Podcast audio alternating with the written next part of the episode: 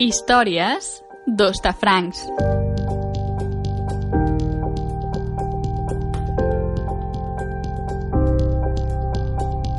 Recordem moments importants en la biografia del barri, en conversa amb Josep Maria Carbó.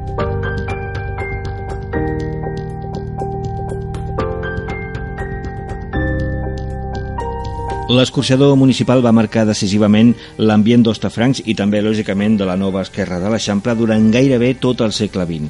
Cap instal·lació o equipament ha condicionat tant l'activitat i la vida del nostre barri.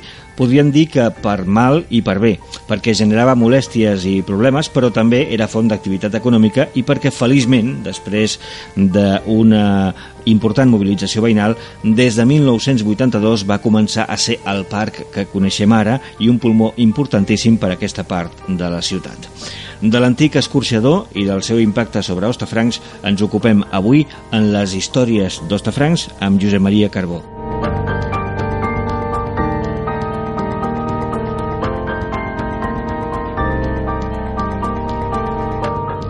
Josep Maria, bona tarda. Hola. Comencem pels orígens, ens hem de remuntar cap a finals del segle XIX, anys en els quals Ostafrancs tot just començava a formar-se com a barri i en els quals Barcelona estava creixent fora muralles i havia de resoldre problemes importants, necessitats, per exemple, de salut pública. El 1870, la ciutat de Barcelona va patir una greu epidèmia de tifus que va provocar una forta reacció popular perquè es va acusar l'escorxador municipal de ser-ne la causa. Aleshores estava situat a prop de la Ciutadella i els residus anaven a parar al port. L'Ajuntament va decidir tancar-lo i fer-ne un de nou, assessorant-se primer sobre els escorxadors moderns de l'època. Es va triar el model del de Nàpols i es va decidir construir-lo als afores, en uns terrenys que Ildefons Cerdà havia projectat com a espai públic i que s'anomenaven la Vinyeta. Per això se'l va anomenar molt de temps l'escorxador de la Vinyeta. Es va inaugurar el 29 de juny de 1891 i es va construir amb materials d'enderroc de l'Exposició Universal del 1888. La superfície era generosa, quatre illes de l'Eixample, on s'alçaven naus dedicades a les diverses fases del sacrifici i l'espassejament del bestiar. Aquell gran escorxador era, de fet, una de les infraestructures més importants de la ciutat en aquella època, juntament amb el port. I tota aquella gran instal·lació, que ocupava quatre illes de l'Eixample, com acabes de dir, va superar aviat els seus propis límits i va estendre una xarxa de moviments i d'activitats relacionades aquí al barri Bostafrancs. Eh, tot l'entorn de l'escorxador es va omplir de corrals, especialment a la banda del nostre barri, perquè teníem l'estació de tren de Sants al costat i allà es descarregava el bestiar destinat a l'escorxador. Va marcar el nostre barri amb un ambient particular de tractants de bestiar i matancers aficionats a l'esmorzar de forquilla i la cuina de menuts que es practicaven als restaurants pròxims.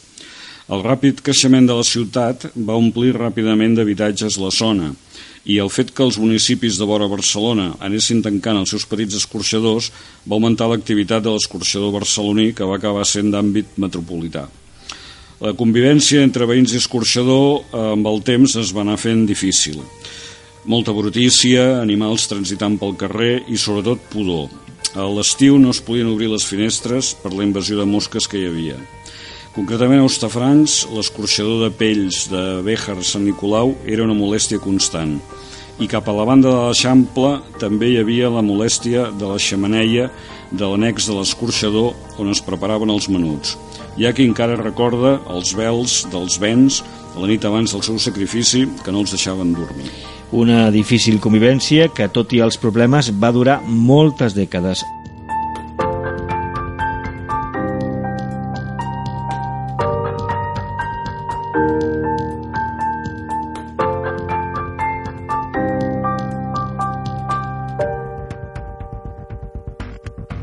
A mesura que passaven els anys, Barcelona i l'àrea metropolitana anaven creixent en població i en extensió i l'activitat de l'escorxador es feia més intensa. Va ser a mitjans de segle XX que ja va sorgir la idea de fer un escorxador nou, però el procés va ser molt lent, tant que fins que no s'acaba la dictadura i després de les primeres eleccions municipals, l'any 1979, no s'inaugura el nou escorxador a Mercabarna. A partir d'aquell any queden en situació de terreny disponible els més de 58.000 metres quadrats de les quatre illes. Havia arribat el moment de plantejar la construcció en aquells terrenys d'un parc urbà, tal com precisament havia projectat Ildefons Cerdà. Però el camí per fer realitat el parc no va ser fàcil l'Ajuntament va voler deixar en un segon pla el criteri de les associacions de veïns. En principi, l'Ajuntament havia acordat fer un concurs de projectes amb un jurat eminentment popular. Aquest jurat l'havien de formar 15 representants de les associacions de veïns i 8 de l'Ajuntament. Però al cap d'un any se'n va desdir i va convocar un nou concurs amb un jurat de 17 membres. El pes de les parts en la decisió de com havia de ser el parc va canviar de forma radical – 16 dels membres del jurat els nomenava l'Ajuntament i només un el designaven les associacions de veïns.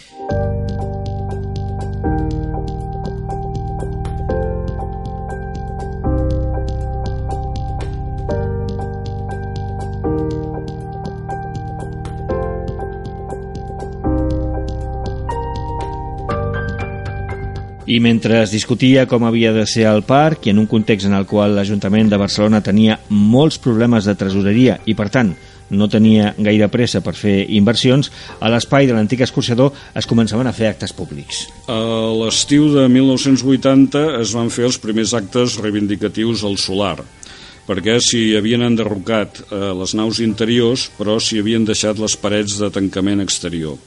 El 1981 es van enderrocar aquestes parets i el solar va servir per activitats ben diverses, com ara una exposició de carruatges o la manifestació contra l'ingrés d'Espanya a l'OTAN.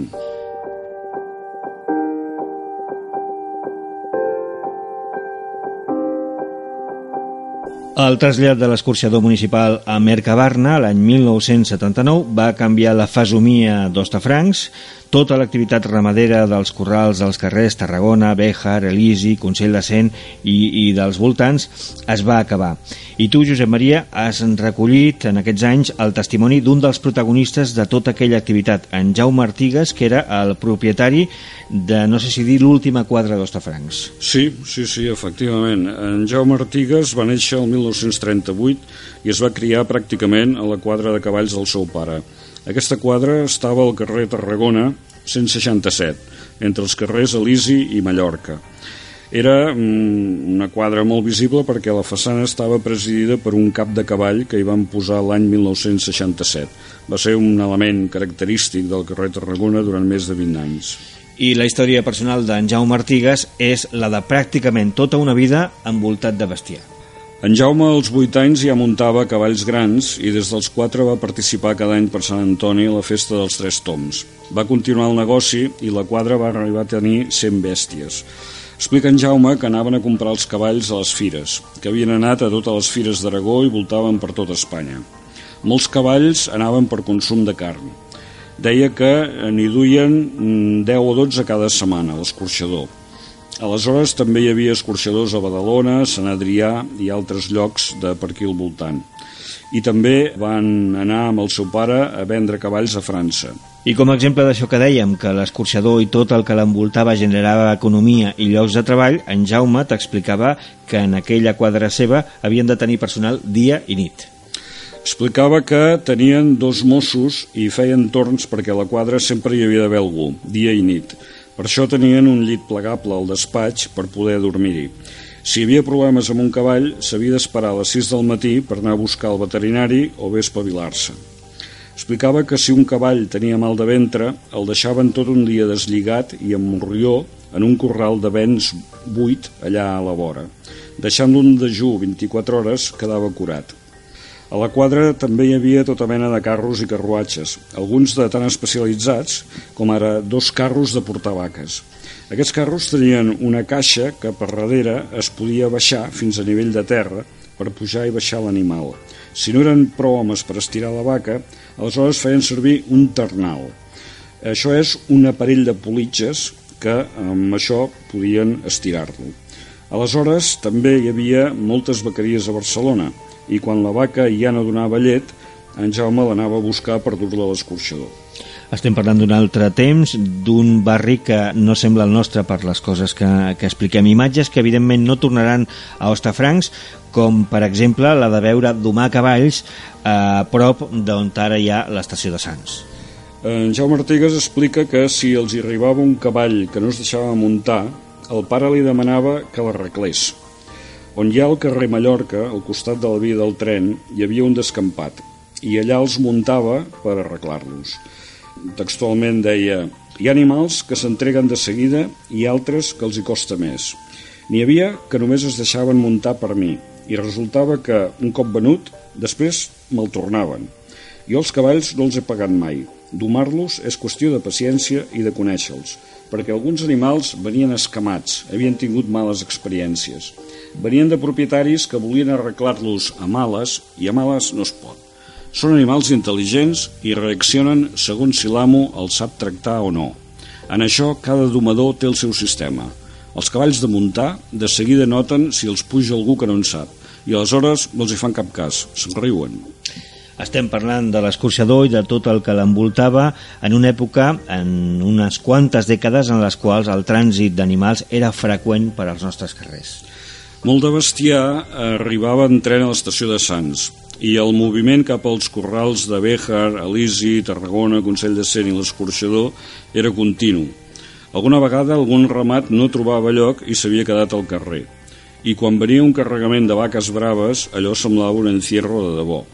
Explica en Jaume que es tancaven les travessies de Rector Triador i Consell de Cent fins a l'entrada de l'escorxador amb camions i carros d'aquells de transport de carn. I aleshores deixaven anar les vaques que corrien directament des de l'estació cap a l'escorxador per aquests dos carrers. Això era a finals dels anys 40. I algun cop alguna vaca se'ls havia escapat i se'ls havia ficat a l'entrada d'una casa. I aquella activitat de l'escorxador i de les quadres donava també vida als restaurants del barri. En aquell Ostafrancs ramader, eh, carreters i tractants esperaven esmorzar a Can Martí o a Can Joan, dos restaurants del carrer Consell de Cent. El primer a la cantonada Béjar, Van de Mar, i el segon entre Béjar i Rector Triador, Van de Muntanya. Davant de cadascun hi havia un abeurador on deixaven els animals. De fet, l'abeurador de Can Martí mmm, encara l'hem pogut veure fins fa potser uns 15 o 20 anys i concretament el restaurant de Can Joan tenia una particularitat. Explica en Jaume que aquest restaurant tenia una porta darrere, que al carrer Gai Celi, i algun espavilat que venia amb taxi parava al davant, baixava dient que anava a buscar canvi i fugia per la porta de darrere. Fruit de tota aquella activitat i del moviment que generava l'escorxador i les quadres als restaurants, també es va crear, no sé si hi una certa tradició d'esmorzars de forquilla. Alguns dels restaurants actuals de l'Ostafrancs present conserva aquesta tradició.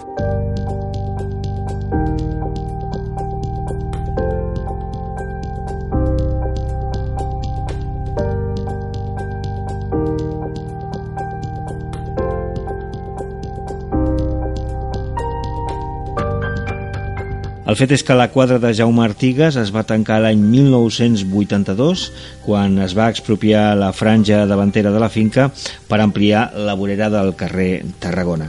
I poc abans, al maig de 1981, és quan es va escollir finalment, amb aquell concurs no exempte de polèmica, el projecte guanyador per al disseny del Parc de l'Escorxador.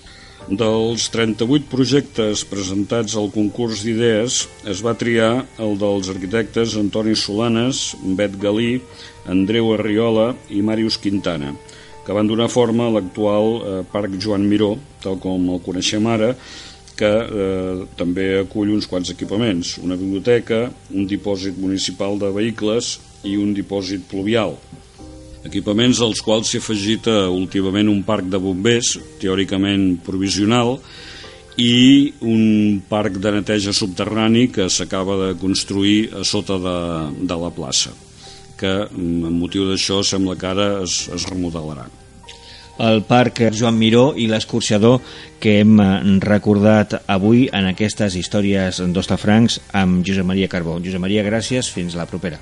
Fins a la pròxima.